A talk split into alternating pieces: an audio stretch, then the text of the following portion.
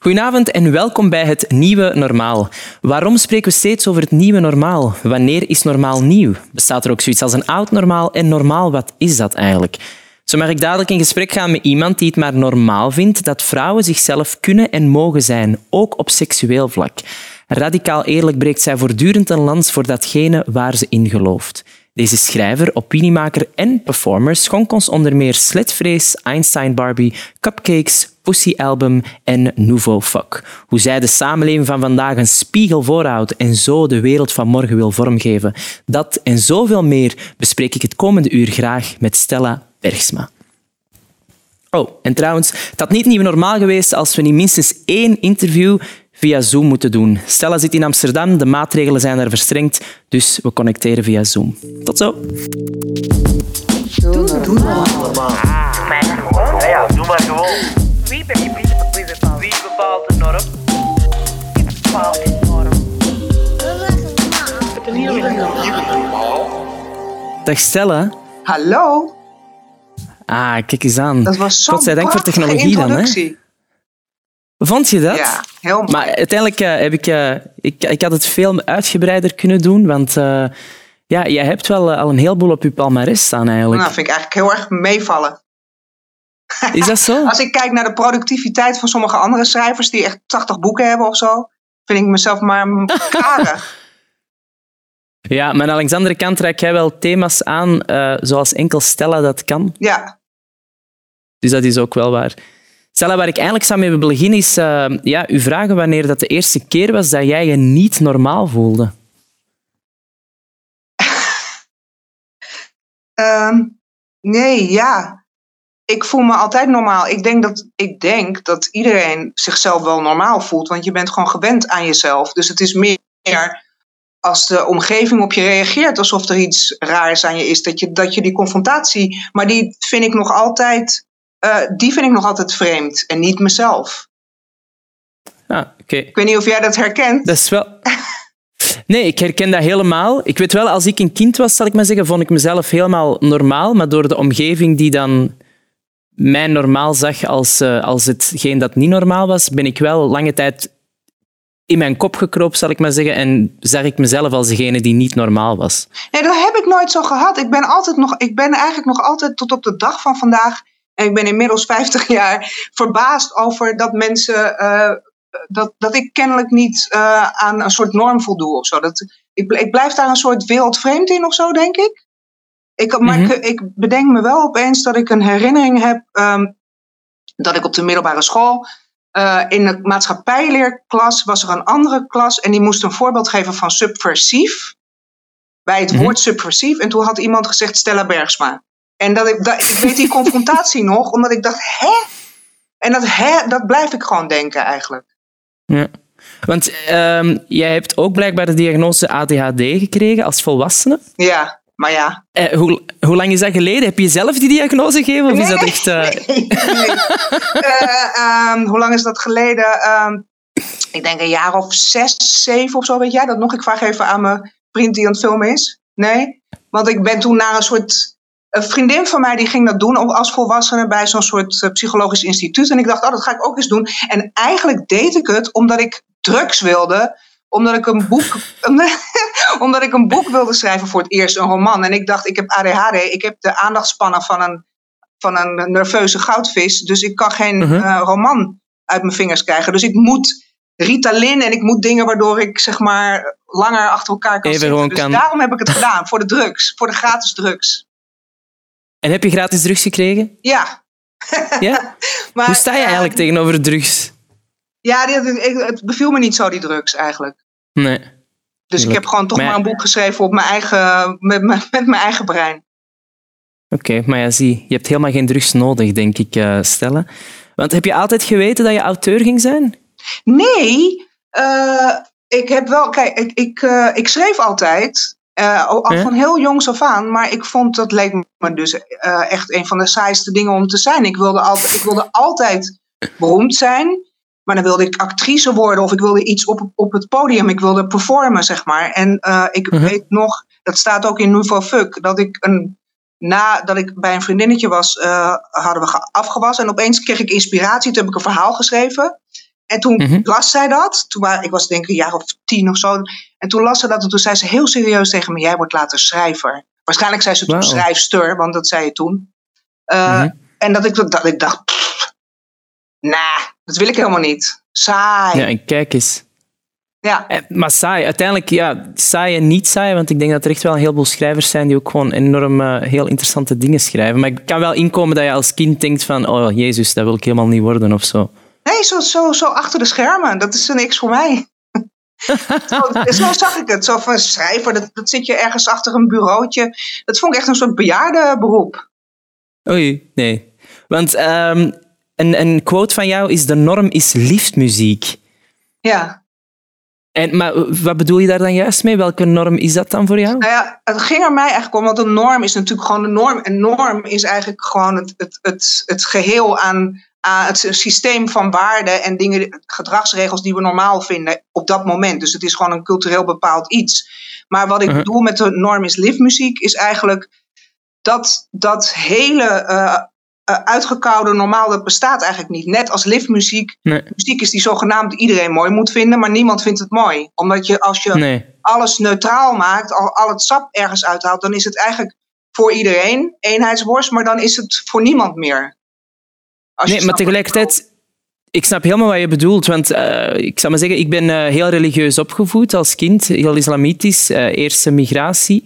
En de norm bij ons was wel een soort ehm, toch trouwen voor je 25ste. eh, kindjes hebben, eh, een huis kopen, een auto hebben, ehm, minstens één keer per jaar naar Marokko gaan. Dus dat is wel een heel duidelijke norm of zo. Want ik denk wel dat het nog heel aanwezig is. Of denk jij dat, we, dat de norm meer en meer is aan het schuiven naar de, Ja, naar de gemarginaliseerde sowieso, groepen? Maar, en als jij al zegt zo van jij bent islamitisch opgevoed en voor jou was de norm dus anders dan mijn norm. Eh, Mhm. eh, dus hij schuift sowieso en hij blijft altijd aanwezig. Er is altijd een groep mensen wat een soort gemene deler krijgt, maar die gemene deler is uiteindelijk niks. Of daar vallen maar zo weinig mensen onder dat het eigenlijk heel, niet heel erg oninteressant is. Nee, absoluut. Maar tegelijkertijd kunnen we wel overeenkomen dat die norm wel heel ehm, dominerend is momenteel. Ja, Want uiteindelijk, mijn norm, mijn norm waar ik in ben opgevoed is helemaal anders dan jouw norm. Maar ik denk wel dat die op veel vlakken toch wel gelijkend is. Misschien ik ben eigenlijk cultuur niet en de religie. opgevoed. Omdat eh, mijn ouders eh, op zich eh, ja, gewoon niet zulke hele standaard ouders waren. En eigenlijk drukker met zichzelf bezig waren dan met mij opvoeden. Dus ik ben een soort... Een soort ja, niet, niet zoals hippiekinderen helemaal zo vrij. Maar gewoon een soort van desinteressevrij. Dus mijn moeder die was Ja. aan het studeren. En eh, mijn vader was mislukt kunstenaar. Dus die, ze waren gewoon niet zo met mij bezig. Dus ik had niet zoveel last van norm. Waar ik vroeger, waar ik vroeger heel veel last van had, van dat geen norm. Want dan heb je geen houvast. Dan heb je, Ja. weet je, dan zwem je maar gewoon een beetje in het. En nu is dat denk ik een van mijn grootste voordelen. Dat, dat heel veel van wat eh, eh, normaal is of de norm is, dat dat gewoon totaal langs me heen gaat. Dus ik heb Mm. altijd het gevoel gehad dat ik, ehm, dat wat mensen van mij vinden, van rebel en eh, de, de- niet volgens de normen, zo, dat, dat, niet, dat is niet mijn keuze. Mhm. Dat is niet iets wat ik voor de lol doe. of Zo. Ik zou het liefst overal bij willen horen en heel erg eh, eh, braaf willen zijn. Ja, maar tegelijkertijd heb je... Ik denk dat we allemaal een rol krijgen in het leven. En uiteindelijk, eh, allee, zo voel ik dat toch aan. En in, in, op een bepaald moment kies je gewoon om te zeggen van oké, als dit de rol is die ik moet spelen, dan ga ik die ook gewoon met, met, met glans spelen en ook gewoon daar alles proberen uit Dat te halen. zo, en dat ja, gevoel heb ik ook. Maar, maar diep in mijn hart is, eh, komt ook omdat ik altijd ruzie met mijn vader had vroeger. En dus ik kreeg altijd het gevoel dat ik niet deugde of niet braaf was. Mhm. En ik deed ook al, en nog steeds, ik doe altijd alles verkeerd, zeg maar. Dat, is dan, dat zou je dan Mm. de ADHD kunnen noemen. Zo van eh, dat ik thuis vergeet ik het licht uit te doen of het gas uit te doen. Of weet je wel, ik vergeet altijd alles, ik ben alles kwijt. En dat geeft me het gevoel alsof ik niet, eh, ja, alsof ik niet, alsof ik niet braaf ben. Hm. En ook de dingen waarom die, denk je dat- denk en de dingen die ik schrijf en, en hoe ik me gedraag, geeft me allemaal het gevoel dat ik niet braaf ben. En dat wil ik eigenlijk wel zijn. Maar ik, ik, ik merk dat ook wel dat dat in onze maatschappij heel hard leeft, waarin dat we elkaar constant verwijten dat de ene minder deugt als de andere. Is dat iets dat jij ook heel hard Ja, opmerkt? ik, weet of- niet, is dat, oh, ik weet niet of dat in België ook een ding is, maar in Nederland is het een heel erg verwijt om te deugen. Maar dan te deugen als in zo van sociaal, politiek correct te zijn. Dat vind, in Ah, Nederland is dat een heel vies woord van, oh, dit is een deuger. Dus daar is Oké, juist dus-. Sorry? Ja, nee, bij ons is net het echt wel het, het, het zoveel mogelijk proberen politiek correct te zijn. En toch eigenlijk nooit het achterste van je tong te laten zien. Dat is toch wel ook heel Vlaams. Of dat is mijn ervaring met het Vlaanderen dat ik ken. Want ik heb ook, ja, mijn ouders zijn allebei. is het eigenlijk echt heel populair om niet te deugen. En om, om, om egoïstisch te zijn. En eh, ehm, dingen te zeggen die een beetje eh, provocerend zijn. Maar als je deugt en je wil het, beste voor de mensen en de wereld. En je wil sociaal zijn. En je wil dat vluchtelingen worden opgevangen. Of je wil dat, dat mensen niet lijden. Dan ben je eigenlijk een vieze deuger. Dat is, dat is in Nederland heel Ah, erg het ding. Ja, bij ons is het net hier, vind ik soms. We, we missen soms ehm, ja, frictie of zo in bepaalde maatschappelijke gesprekken. Eh, Het blijft altijd dikwijls heel, ehm, heel braaf. Wij laten ook altijd elkaar uitspreken als we in debat gaan. Eh, waar ik in Nederland zie dat jullie elkaar constant elkaar onderbreken als jullie over, eh, over grotere thema's spreken. Daarom zijn jullie in België ook zo dol op mij waarschijnlijk. Absoluut. En daarom dat ze in Nederland dol op mij zijn, denk ik. dol Want ik, eh, Belgen. Ah, kijk eens aan. Ehm, ja, stel, jij verzint ook regelmatig nieuwe woorden, zoals sletvrees.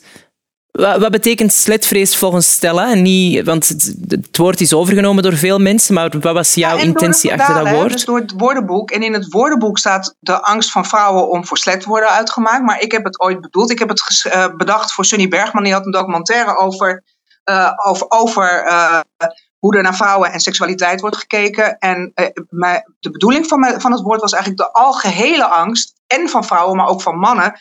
En ook in de islamitische wereld, et cetera. eh, voor, voor ongebreidelde seksualiteit van vrouwen. Het is net alsof dat altijd een soort van beknot moet worden. Soms letterlijk door je clitoris eraf te knippen, of door je hele lichaam te bedekken, of, eh, en, en soms figuurlijk door, door vrouwen voor slet uit te maken. Maar het komt altijd op hetzelfde neer. Een soort bondzaaien van Mhm. vrouwelijke seksualiteit. Maar hoe komt het dat we daar nog niet ehm uit geraken? Of zo? Want enerzijds zien wij een maatschappij die ehm, in veel videoclips langs alle kanten vrouwen wel gewoon seksueel uitbuiten, zou ik niet zeggen, maar toch wel portretteren. Maar tegelijkertijd gaan we nog heel puriteins om als we het woord vagina of penis horen. Ehm, eh, ja, vrouwen, eh, seksualiteit van vrouwen in videoclips is heel vaak zijn ze dan geobjectificeerd. Hè? Is het niet, zijn ze niet zelf het subject? Daarom noem ik mezelf ook wel eens sekssubject. Eh en dan heb je bijvoorbeeld, als je, als je dan kijkt naar een clip als eh, Wet Ass Pussy van Cardi B en Megan Stallion, dan, dan is het hun eigen seksualiteit. Dan hebben ze het zelf over hun seksualiteit en dan is iedereen heel erg geschokt. Dus het, is, het verschilt heel erg of de vrouw object is of subject. Als ze object is, is het eigenlijk gewoon goed. Dat zijn we heel erg gewend. Daar verkopen we al onze producten mee. Met tieten verkopen we, eh, maken we reclame, zeg maar. Maar als een vrouw, Mm. zodra ze de camera zelf in de hand neemt of schrijft over de eigen seksualiteit, dan is het opeens heel erg eh, schokkend. Eh, dus dat is wel een verschil. Dus daarom zeg ik ook, sletvrees is eigenlijk de, eigenlijk de angst voor de subjectiviteit van vrouwen op seksueel gebied. Voor hun, dat hun seksualiteit van hen zelf is en niet een soort verlengstuk van de mannelijke seksualiteit, waarin ze gewoon een soort mooi object zijn van, eh, eh, eh, onder de male gaze, zeg maar, onder de mannelijke blik. En vind jij dat dan bij Wet Ass Pussy van, van Cardi B dan niet? Dat Ja, zij ik, dan... ik vind dat absoluut. Want ze schrijven over hun eigen seksualiteit. En ze schrijven van... mijn, mijn pussy is... Mijn, mijn, mijn kut is nat, mijn pussy is nat, zeggen jullie geloof ik. eh, come take a dive. En, en gooi je neus erin. Wipe your nose as a credit card. En dus zij. Zij, zij, zij zijn de eh, dwingende factor, zeg maar. Of, de, of de, zij doen de gebiedende wijs in deze. Dus dat Ja, vind ik ja, iets anders. natuurlijk. En dan kan je zeggen, ja, dat doen ze om mannen te pleasen. Maar dan, dan geef je vrouwen dus nooit de kans om zelf een seksualiteit te hebben, omdat je mannen altijd centraal stelt daarin. Maar staan ze nu nog altijd niet centraal? Eh, Want dat vind Als ik- jij ik- ik zegt vind- dat zij het doen om dat, dat zij hoerig zijn of dat ze dat doen om mannen te pleasen, dan stel jij ze centraal, zeg maar. Het, het wordt van mij ook heel vaak gezegd dat ik alles wat ik schrijf doe om op te vallen of om. eh, het, het is me wel eens verweten zo van, eh, ja, je schrijft over seks en ben je, de- iemand vroeg me een keer in een interview, ben je dan geen cocktease? Want je schrijft erover, maar je maakt het niet waar of zo. En ik had zoiets van, ik schrijf godverdomme gewoon over wat mij bezighoudt. Ik ben niet met jou bezig. Ik ben niet bezig met de lezer en wat hij daarvan vindt. Of hij er geil of niet van wordt. Ik schrijf over wat mij bezighoudt. Over mijn beleving van seksualiteit. En ik denk dat eh, in Wet Ass Pussy dat ook gebeurt. Er wordt weliswaar gespeeld ook met het beeld van eh, hoerig zijn en zo. Daar wordt wel mee gespeeld. Maar dat is nou eenmaal omdat we in deze maatschappij zijn opgegroeid als vrouwen. We hebben niet eens een, we- we, we kunnen eigenlijk niet een rol innemen die niet al bedacht is door mannen. Nee, absoluut. Maar alleen vind ik, natuurlijk, dat is dan ook weer mijn male gaze. Maar als ik naar een wet ass pussy zie, vind ik vooral dat daar ook vooral eh, ehm, een enorme geilheid aanwezig is. een enorme geilheid aanwezig is ehm, en niet een, een, een, niet een soort viering van seksualiteit. Want ik ben helemaal voor seksuele vrijheid, maar ik, ik zie daar vooral nog altijd wel een soort geilheid ten dienste van de man. Maar, waarom- misschien is dat omdat ik met een mannelijke brik... Waarom zou het niet hun eigen geilheid kunnen zijn? Eh, Bepaal jij dan Ja. hoe zij hun geilheid ervaren? Nee, helemaal. Klopt, helemaal. Maar misschien vind ik het gewoon... Hoe ziet hij er dan uit voor een vrouw? Ziet hij er anders uit dan wat er allemaal al voor ze bedacht is? Ik denk dus dat je dat niet kan ontkomen. Al die dingen zijn al voor je bedacht, zeg maar. Je was ooit of hoer of Madonna. En daartussenin zit een echte vrouw, maar die is op zoek naar wat haar seksualiteit Hmm. is. En, die speel, en spelen met die rollen, denk ik dat dat toch een stap in de goede richting van empowering is, zeg maar. Als je al speelt, als je Mhm. zelf dat beeld neemt van een hoer en je gaat daarmee aan de haal en je zegt van hé, hey, ik ben een hoer, maar ik bepaal, dan ga je al aan de haal met eh, dat dat met die rol die ooit voor een ander. Overigens vind ik sowieso dat hoeren eigenlijk heel zelfstandige seksuele wezens zijn. Ja, absoluut. Ik bedoel, ik, eh, dat, is niet de, het, de, dat is niet wat er nu te de discussie staat, natuurlijk. Hè. Ik bedoel, uiteindelijk... eh, ik denk dat... Ik werk zelf met organisaties die sekswerkers ondersteunen. Dus het is niet de discussie of, of ze zich mogen portretteren als hoer of niet. Ehm, Maar Voor mij is het gewoon niet- eh, Misschien portretteren ze zich te veel als object, maar dat is ook een vorm van seksbeleving bij vrouwen. Die zijn zo gewend van jongs af aan om als object eh, geportretteerd te worden, dat ze daar dat derde oog, zo kijken ze ook naar zichzelf. En dat is ook op een bepaalde manier. eh draai je aan je geilheid, zeg maar, als je het gevoel hebt dat je aantrekkelijk bent. Ik denk ook dat dat gaat voor Ja, ja. mannen, alleen zijn die dat niet zo gewend om object te zijn. Ik zou willen dat ze Nou, vaker jawel, ik object wel. waren. maar ik denk, ik denk dat je daar ook een verschil in kan maken. Allee, bij, ik denk dat bij homoseksuele mannen dat wel meer voor zal komen, omdat daar ook wel meer geobjectiveerd wordt onder elkaar. Zeker, Dus ik- zeker. de- Maar, dus dat, dat betekent dat als je als heteroman als object wordt geportretteerd, dat dat al snel wordt geassocieerd met homoseksualiteit. Want je bent zomaar passief even. Dus dan moet je Mhm. meteen een hele bijl in je hand of een, eh, weet ik veel, of een, of een boomstronk of zo. Om nog, dus, dus zeg maar, want, want bij seks hoort dat je de ander objectificeert. Je ziet de ander als, dat hoort er in ieder geval bij. Er horen nog veel meer andere dingen bij, maar er hoort ook bij dat je iemand als een seksueel aantrekkelijk gebeuren ziet, zeg maar, als een seksueel aantrekkelijk iemand ziet. Dus dat is een deel van, het, van de begeerte. Het is Mhm. alleen heel erg ongelijk tussen mannen en vrouwen in hetero-situaties. Ja, in hetero situaties, maar zelfs in, in, in homoseksuele situaties is er ook een heel harde ongelijkheid, want daar zit je met de, de passieve en de actievere. Dus, en Ja. als dat dan is, want dat is ook niet bij alle homoseksuele relaties. Nee, weet je, Maar daar zie je ook heel erg, eh, seksualiteit altijd wel die rollen hebt van passief en actief. Maar je hebt wel, denk ik, vaak in homoseksuele of lesbische relaties kan je een beetje wisselen van die rol. Gebeurt ook niet altijd. Maar bij hetero is het heel duidelijk eh, het, het, the- het toneelstukje van de man is actief en de vrouw is passief. En dan niet alleen, Ja. ja, ik zie dat als een toneelstukje, maar het is ook, zeg maar, in, eh, eh, in de wetenschap is een vrouw heel erg lang als, als passief gezien op seksueel gebied. En dus ook, zo, ook Hm. op die manier bes- bestudeerd, zeg maar. Waardoor ze, er weet ik veel, tot 1997 hebben, over hebben gedaan om door te hebben dat de clitoris twee keer zo groot is als hij is. Of drie keer zo groot. Ik weet, ik weet even niet helemaal hoeveel keer zo groot, maar flink. Nee, wel acht keer zo groot. dus, eh, ehm, en, dat, en dat actieve, dat zit in ieder geval in wet ass pussy. Ze zijn actief geil. Alleen jij vindt het dus te veel nadruk op geil. Maar ja, dat is, ieders seksualiteitsbeleving is ook verschillend. Niks mis met Maar ik geilheid. Maar ik vind het niet alleen actief eh, te geil. Ik vind het ook gewoon, terwijl dat ik zelf ook heel graag naar vrouwen zie en, en ook echt aangetrokken kan zijn tot vrouwen, vind ik het gewoon voor mij ook gewoon echt smakeloos. Zonder afbreuk te doen op hun Ja, dus, ehm, nou, maar kunst, want het is een kunstvorm. En eigenlijk niet van feminisme. Nee, dat is waar. Sommige mensen Dat vinden waar. dat soort dingen eh, opwindend en andere mensen vinden dat het wat chiquer moet.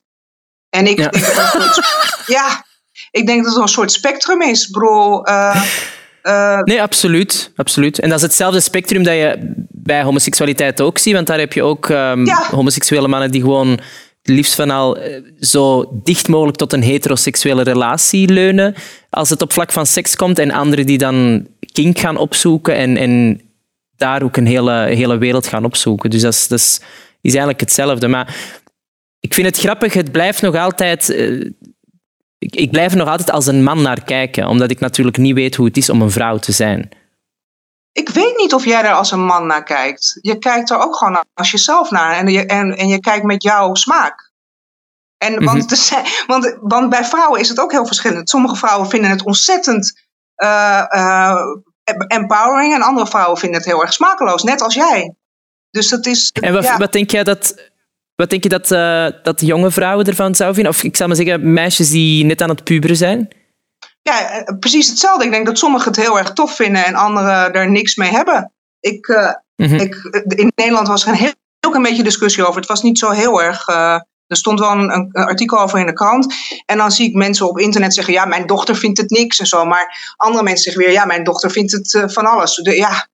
Dus het verschilt ook Want heel creëert erg in- Sorry?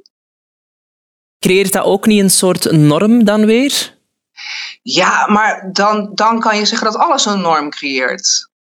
Ja, maar dat is ook. Ik bedoel, als ik... eh, Deze vrouwen zijn gewoon. Als je, als je die vrouwen serieus neemt, wat ik doe, dan zijn ze bezig met het uiten van hun gevoelens in kunst. En dat, eh, eh, hoe jij daarop reageert, is, dat is dan, dan jouw idee van dat dat een norm of dat dat een voorbeeld. Er was ook iemand die zei: Ja, nou denken natuurlijk weer alle jonge meisjes dat ze grote tieten en een dikke kont moeten. En denk, ja, maar dat, is, dat betekent niet dat die vrouwen dat niet mogen ambiëren of uiten. Nee, ik denk niet. Wat ik wel denk is dat ehm, dat, dat, soort, eh, dat, dat een soort seksuele bevrijding is eigenlijk. Om je inderdaad zo te kunnen gedragen. Terwijl dat ik weet, ook die dames, voordat zij dat punt hebben bereikt om inderdaad dat in kunst om te zetten, zij ook een heel traject hebben moeten aflopen, zal ik maar zeggen. Tien jaar geleden hadden die niet zo'n videoclip gemaakt. Nee. Dus ik denk, ik ben iemand die ook gewoon graag een soort ehm, evolutie daarin ziet, waarin dat we nu in een maatschappij van beeldvorming leven, waarin dat je mensen hebben die zeggen van kijk, dit is ik die mijn seksualiteit vier, maar daar, daar hoort ook nog altijd een hele... Ik denk dat ik kwetsbaarheid mis. Misschien is het dat. Maar dat is mijn, mijn blik natuurlijk daarop. Hè. Ik, ik, ik, mis snap- vooral nee, ik snap kwetsbaarheid. wat je zegt. En dat is ook zo. Die kwetsbaarheid mist er ook in. Het zou mooi zijn als je die dingen... Maar goed, het zijn rappers. Rappers die doen aan opscheppen. En ik vind het cool dat vrouwen nou een keer opscheppen. En zeggen van, eh, ik heb een natte kut. En zo in plaats van, ik heb zo'n ontzettend grote lul. Dat vind ik... Maar ik vind dat ook- cool. Ja, maar dat hebben ze altijd gedaan. Als je ziet naar een Missy Elliott bijvoorbeeld in de jaren 90, die, maar die deed niks anders als opscheppen. Ja, snap je? Alleen Dus... de, de taal wordt groffer. Maar ik vind, het, eh, ik vind op zijn minst dat ze eh, de, de, dezelfde eh, gradatie van grove taal mogen bezigen als mannen. Zonder dat dat een, een heel erg big deal is. En ook zonder Mhm. dat iemand als Russell Brand gaat zeggen van ja, je, dit is niet een manier om feminisme te... Dan denk ik van ja, ga jij een beetje mensplenen hoe die vrouwen... Ik bedoel, vrouwen zijn ook mensen, net als mannen. Sommigen vinden dit geil en anderen vinden iets anders geil of vinden het niet chic. Ja, en ik vind ook, ik zal er nooit eh, een, een, een statement over maken, maar ik vind wel fijn dat we daarover in gesprek kunnen overgaan, omdat dat ook zo is dat we van elkaar leren natuurlijk. Want we blijven verschillende wezens als mannen en vrouwen. Ik denk dat dat ja, soms... maar, maar als individuen zijn we verschillender. Dat blijkt wel, denk ik. Omdat ik ook merk dat, dat dus binnen, eh, de, binnen eh, de groep vrouwen is ook niet iedereen het daarover eens. En, ik denk bij mannen ook niet iedereen. Dat sommige mensen het heel grappig vinden en andere mensen vinden het smakeloos, et cetera. Dus eh, als je kijkt naar, als je het statistisch zou bepalen, dan denk ik dat, de, dat individuele verschillen groter zijn dan mannen- en vrouwenverschillen. En jij bent dat weet ik een niet, want- typische man, of zou je jezelf wel als typische man Nee, ik ben geen typische man, maar als ik, ik geef altijd het voorbeeld als ik... ehm, als wij beiden op straat zouden lopen, op, op dezelfde hoek waar dat er mannen zou staan of vrouw zou staan, de kans is even groot dat die vrouwen naar mij zullen kijken, maar ik beweeg wel door de wereld als iemand die eruit ziet als een man. Dus bijvoorbeeld het objectiveren waar we het over hadden, is bij mij is van een heel andere gradatie dan dat een vrouw bijvoorbeeld zal meemaken. Oké, nu verandert dat wel, want er zijn veel meer vrouwen die ook zeggen van fuck it, ik ga ook gewoon naar een man kijken en die uitkleden met mijn ogen. Wat ik heerlijk vind. Maar dat is nog altijd een hele kleine groep vrouwen die dat doen eigenlijk. Terwijl die mannen die zijn nog altijd heel aanwezig, die al meisjes op een heel jonge leeftijd enkel als object zien. Ja, maar als vrouw heb je daar denk ik geen enkele invloed op eh, door bijvoorbeeld eh, jezelf niet als object te gedragen. Want dan ga je al heel snel eh, richting jezelf beschermen of een burka aantrekken. Of, je hebt daar geen invloed op. Dus je, het, zou, het zou zo moeten zijn dat je, dat, dat je zeg maar, autonoom bent in je keuzes daarover. Dus dat je, dat je naakt kan rondlopen, dat nog niemand je lastig valt. Dus ja, het is niet jouw verantwoordelijkheid. En wel, dat bedoel ik, maar ik, ik ben daar wel autonoom in, want ik kan wel eh, beslissen, nu wil ik geobjectiveerd worden, waar een vrouw eigenlijk zonder, zonder dat zij het zelfs daar toestemming voor geeft, sowieso al geobjectiveerd wordt. Dus dat alleen al, verspreid over een tijdspanne van 15 jaar, is al sowieso een heel andere ervaring voor een vrouw of als een man. Begrijp je wat ik bedoel? Ja, dat, dat, dat is waar. Dat, uh, dat uh, is zo. Daarom draag ik ook onder andere dit t-shirt. Sorry voor de tieten omdat, uh, omdat het vrouwenlichaam geproblematiseerd wordt, hoe dan ook, wat je ook doet. Of te preut, Absoluut. of te geil, of te dit. En ik word daar zo vezig moe van. Dus ik bied alvast mijn excuses aan voor alles wat ik verkeerd doe met mijn lichaam. Maar ja, ik zeg die. Ik, ik schep niet de precedent. Nee, absoluut. Want vind je jezelf een activist? Uh, Nee, maar ik heb toevallig uh, ben ik voice-over aan het schrijven voor een film waarin het gaat over activisme. En dan kom ik er toch achter dat ik wel een beetje activistisch ben. En dat het ook zo is dat activisme, net als feminisme, gewoon een vieze naam of, of, een vies woord is geworden. Wat geassocieerd wordt met, met agressie, et cetera. Maar eigenlijk, als je je inzet voor iets, ben je een activist. Het is gewoon meer het frame. Ja, het frame voel ik me niet thuis bij. Ik zie mezelf meer als kunstenaar. Ik zie mezelf mm -hmm. zelf, zelfs niet eens als feminist. Het zijn gewoon maar dingen zoals nee. de, de, maatschappij uh, voor mij bepaalt. Ik ben Stella en ik ben kunstenaar. En ik vind ook eigenlijk dat uh, kunst en, en, en stijl belangrijker zijn dan de dingen, uh, dan de wereld veranderen. Fuck die wereld. Jawel, maar terwijl doordat jij ik zal maar zeggen, zo met je eigen ontwikkeling bezig bent en met je eigen uh, expressie, verander je dat wel de wereld ja. daardoor. En dat vind ik wel leuk. Maar... Dat vind ik een sterkere vorm van activisme, omdat je eigenlijk daar bijna... Omdat je eigenlijk een soort egoïstisch gewoon zoiets van ja, nee, ik wil gewoon even lekker doen wat ik graag doe. Eigenlijk maar dat doordat het. je dat doet... Ja, maar dat is, net, dat is, vind ik voor mij persoonlijk een veel aantrekkelijker vorm van activisme. Want ja, ik zeg het ook, mensen geven mij ook dikwijls het label dat ik activist ben, maar ik bedoel, eh, activisten in mijn geval zijn de mensen die in landen wonen waar je kan vermoord worden omdat je homoseksueel bent. Dus ik ben geen activist, ik ben een artiest. Ja, en, dat, en dat, ik denk dat in mijn kunstvorm komt dat. je gewoon, Ja. Maar soms kan je er niks aan doen. En ben je inderdaad in een land waar je vermoord kan worden als homoseksueel. Of als je eh, eh, transgender persoon bent. En dat mensen daar. Dat je, dan, dan is ademen al activisme, bij wijze van spreken. Dan is, het Mhm, al, dan, is, dan is bestaan al een activistische daad. Dus daar kan je niks aan doen. Dus daarom denk ik ook. eh, ik zie mezelf niet als activist. Maar ik heb wel een grote mond. En ik vind het wel fijn om om het op te nemen voor mensen die, die het bijvoorbeeld in die positie zitten, dat ze ge- helemaal geen ruimte krijgen om überhaupt te bestaan. Omdat ik Mhm. gewoon nou eenmaal toch eh, ja, een grote bek heb, eh, v- vind ik het wel fijn om het voor die mensen. Ik voel me wel betrokken bij de mensheid, maar ehm, mijn, mijn eerste eh, motivatie is om mooie dingen te maken, eigenlijk. Mhm. Op mooie dingen, dingen weet ik veel, niet eens mooie dingen, gewoon dingen, het mogen ook hele lelijke dingen zijn. Ja, één mooi ding dat je, dat je laatst hebt gemaakt is je t-shirt. Dat is wel mooi, hè? Dat kunnen we wel onder mooi zetten, denk ik. Ja, absoluut. Sorry voor de tieten. Ja, het is conceptuele kunst. Je kan zeggen dat het gewoon handel is, maar het is ook conceptuele kunst. Het is eigenlijk een westerse burka.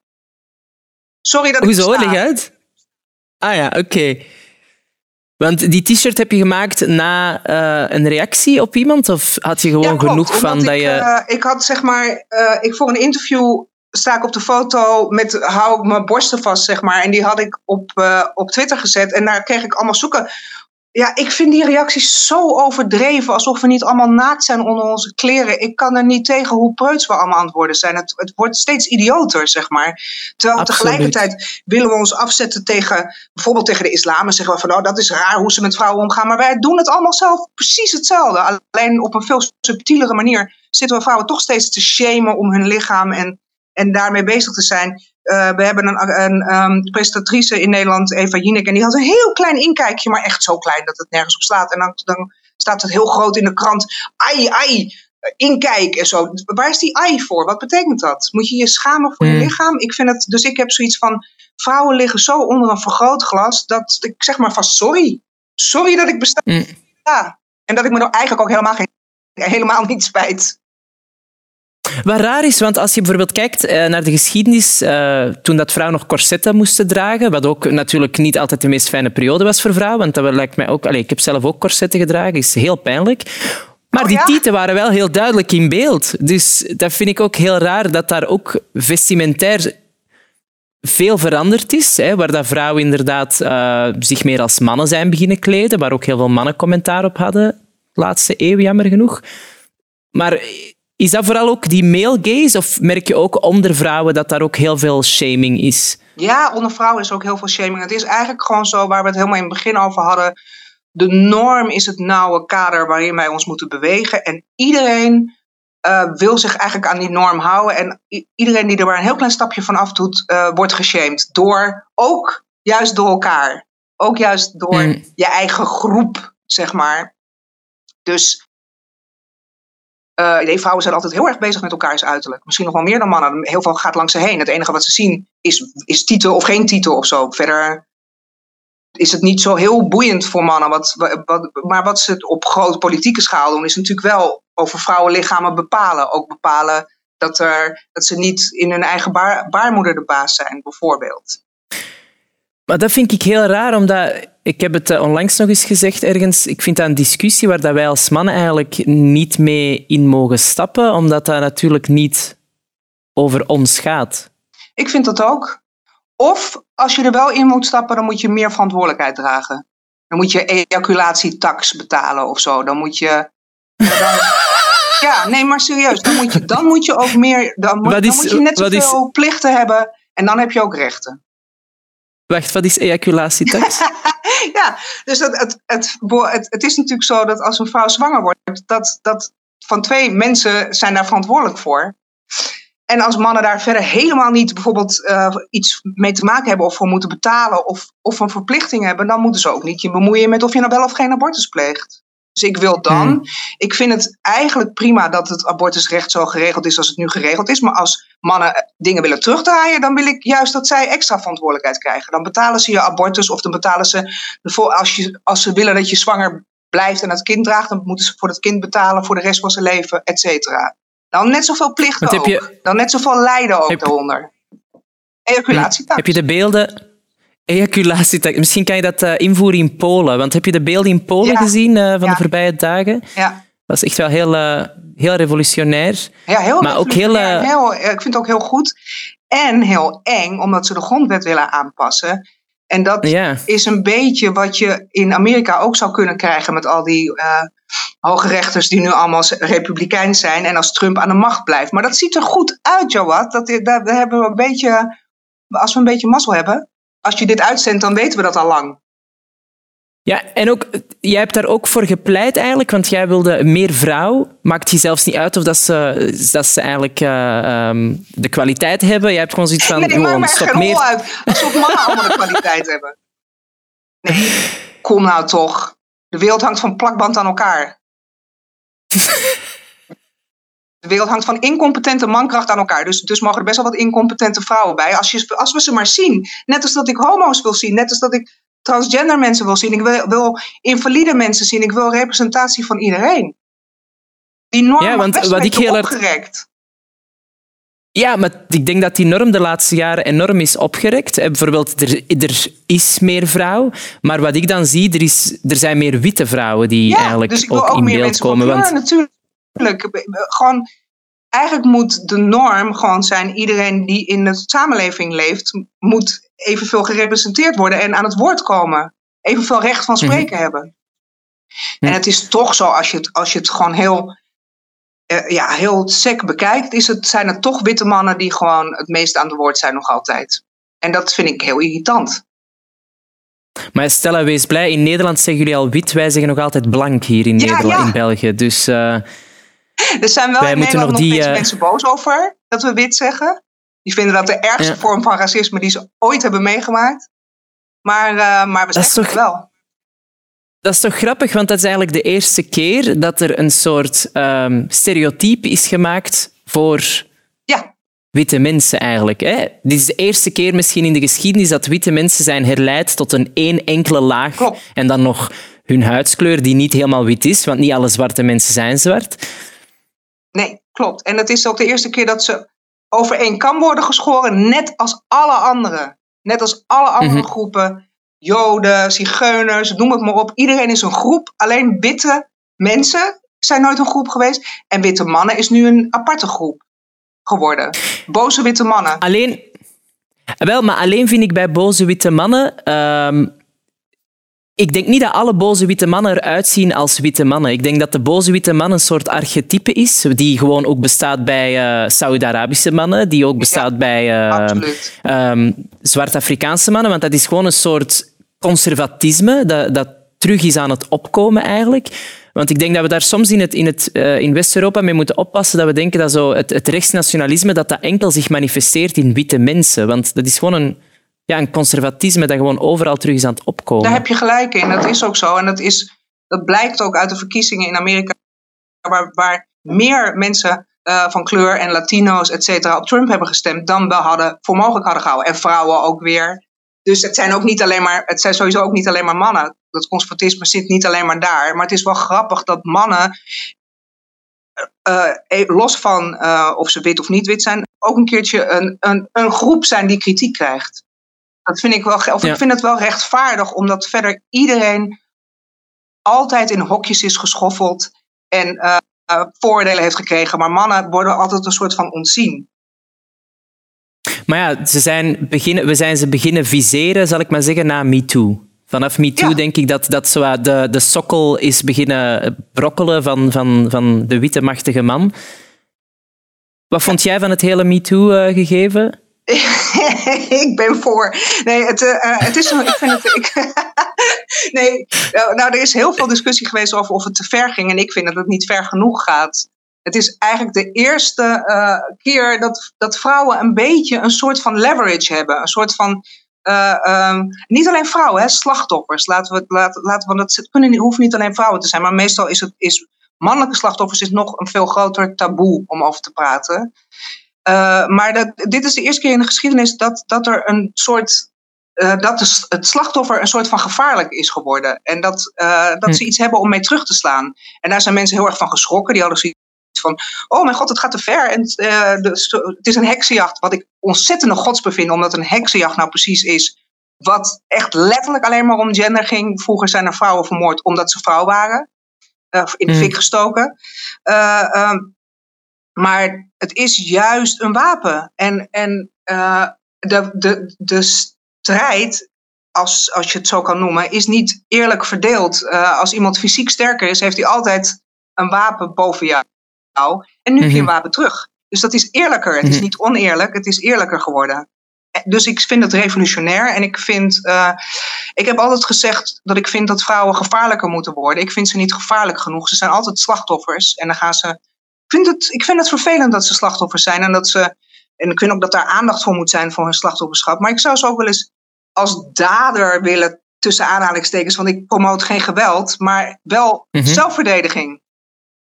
Ja, want in je nieuw boek, uh, of in je boek Nouveau Fuck, is het eigenlijk een pleidooi voor vrouwelijke woede.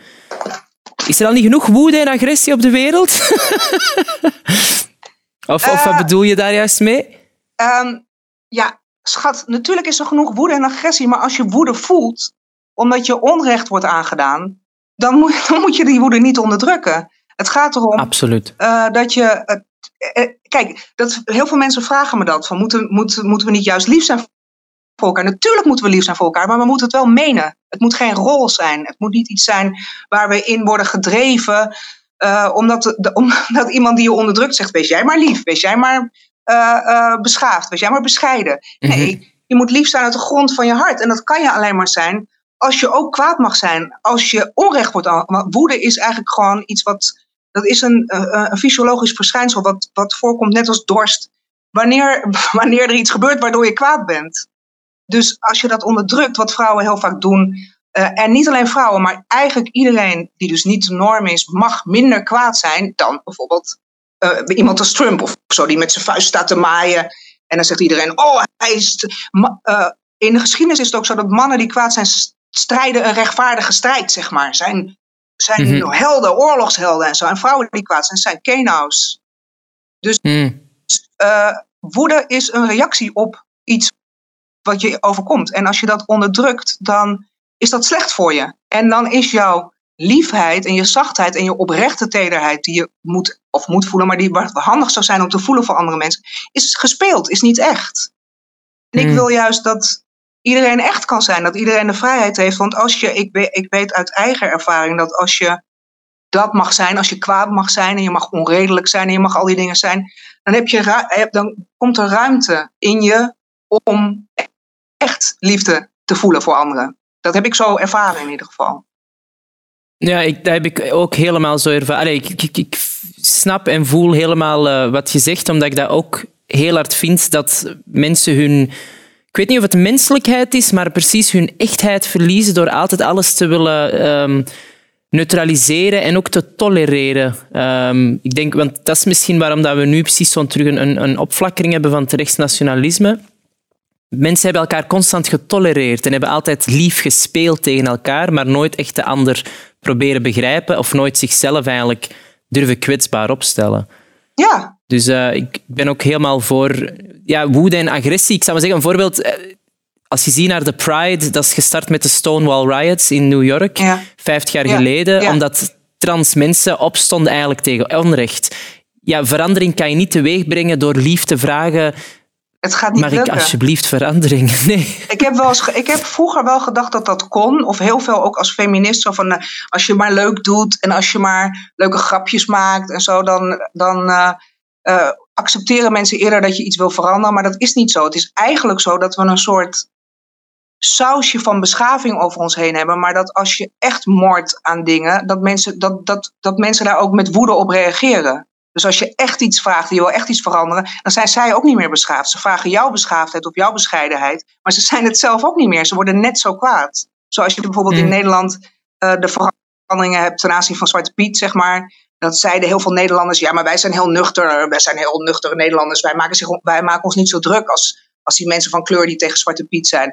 Maar als, ze, als die mensen van kleur die tegen Zwarte Piet zijn echt gevaarlijk worden, dan staan die Nederlanders midden op de snelweg om ze te blokkeren. Dus dan zijn ze helemaal geen Hmm. nuchtere Nederlanders meer. Dus het is Nee, eigenlijk zo dat als je wezenlijk eh, eh, eh, eerlijk iets vraagt of kwaad bent, dat de ander net zo kwaad reageert. We zijn, we zijn, we zijn eigenlijk minder beschaafd dan we doen voorkomen. En laten we daar maar eerlijk Hmm. voor uitkomen. Ja, je- omdat we zo constant... ja, zeg maar. Zeg maar, nee, zeg maar hoor. Nee, als je, als je kijkt naar de strijd van vrouwen over hele kleine dingetjes, dan merk je bij, bij MeToo ook dat dat, dat, dat het, het stuit op superveel agressie van de andere kant juist. Alle verandering stuit op agressie. Dus doe niet alsof dat niet zo is. Het is heel treurig dat dat zo is, maar het is wel zo. En het is niet aan Want heel de veel... onderdrukte, zeg maar, of aan degene die iets wil veranderen, om dan de beleefde, beschaafde, lieve persoon te zijn. Je kan zelfs zeggen dat bijvoorbeeld bepalen over iemands baarmoeder, dat dat ook een vorm van agressie is. Een ergere vorm van agressie dan, dan de woede die het oproept om je er tegen te verzetten. Mhm.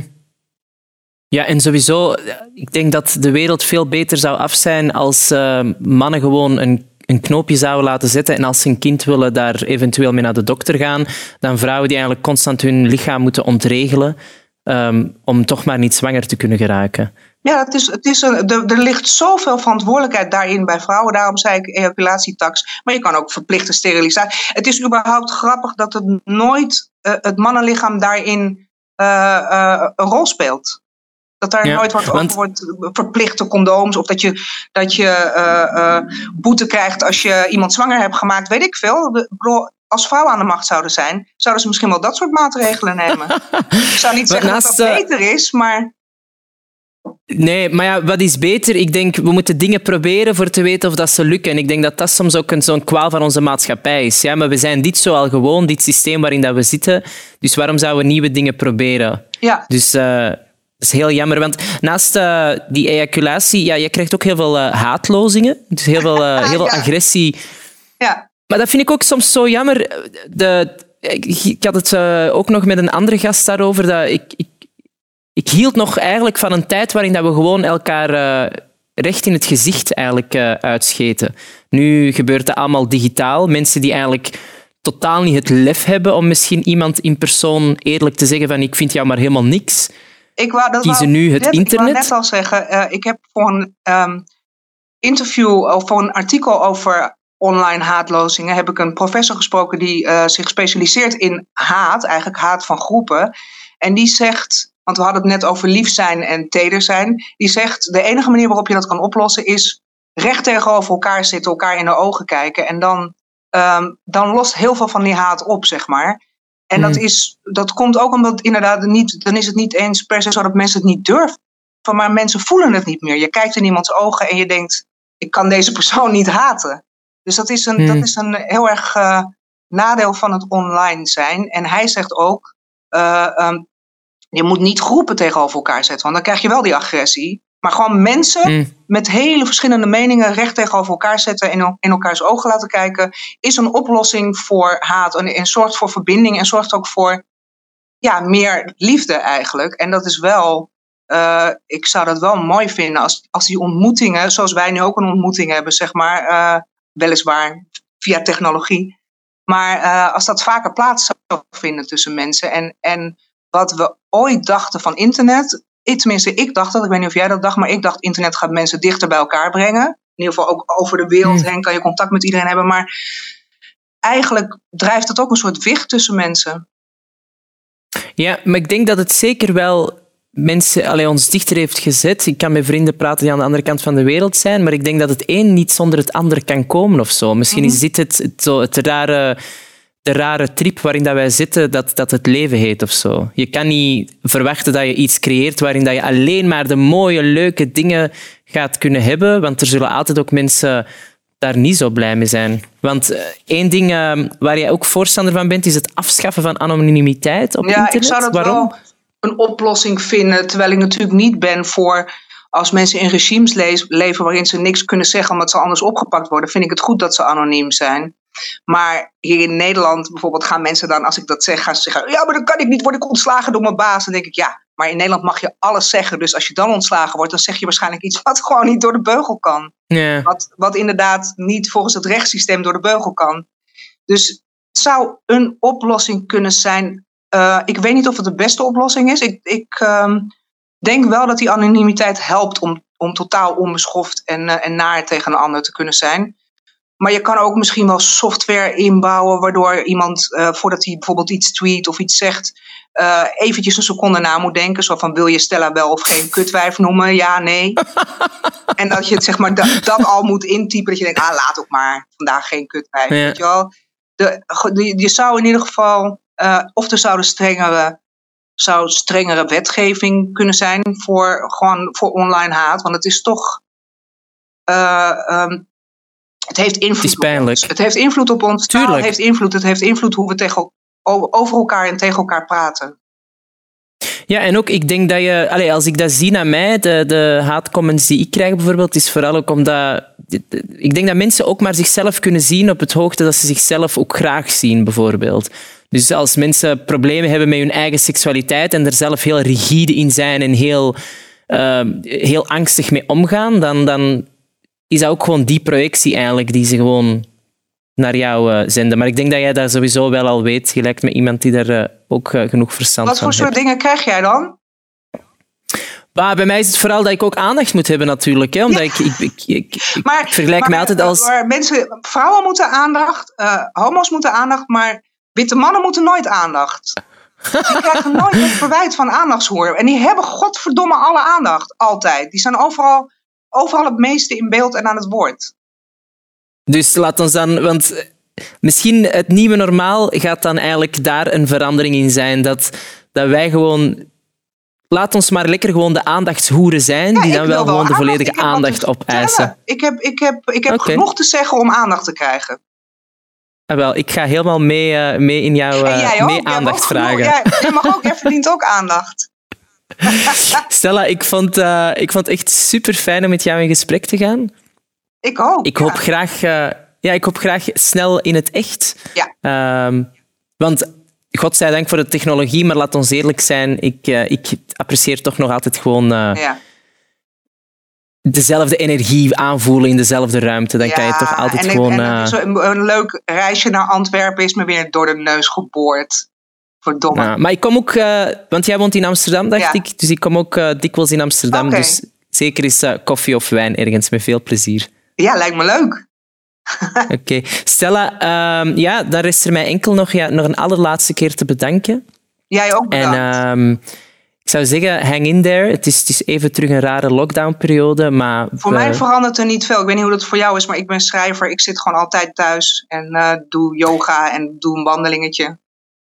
Ja, voor mij ook eigenlijk niet echt. En ik heb, ook, ik heb geen gat om stil te zitten, dus ik kan me zeker wel bezighouden met eh een of andere creatieve uitspatting. Zoals Dus, dit? eh, ja, absoluut. En bedankt dat jullie aan Dus, mij eh, gedacht hebben hiervoor. Nee, ja, het was Josephine Dalemans eigenlijk die, die eigenlijk eh, je naam liet vallen en ik was eh, onmiddellijk van, dus eh, heel fijn. Doe haar de groeten. Doe ik zeker en vast. Dan rest er mij enkel nog eh, ja, de ploeg achter het nieuwe normaal te bedanken. En natuurlijk jullie thuis. Ik was Shawat, jullie gastheer. Ik zie jullie graag een volgende keer. En alsjeblieft, wees alles behalve normaal.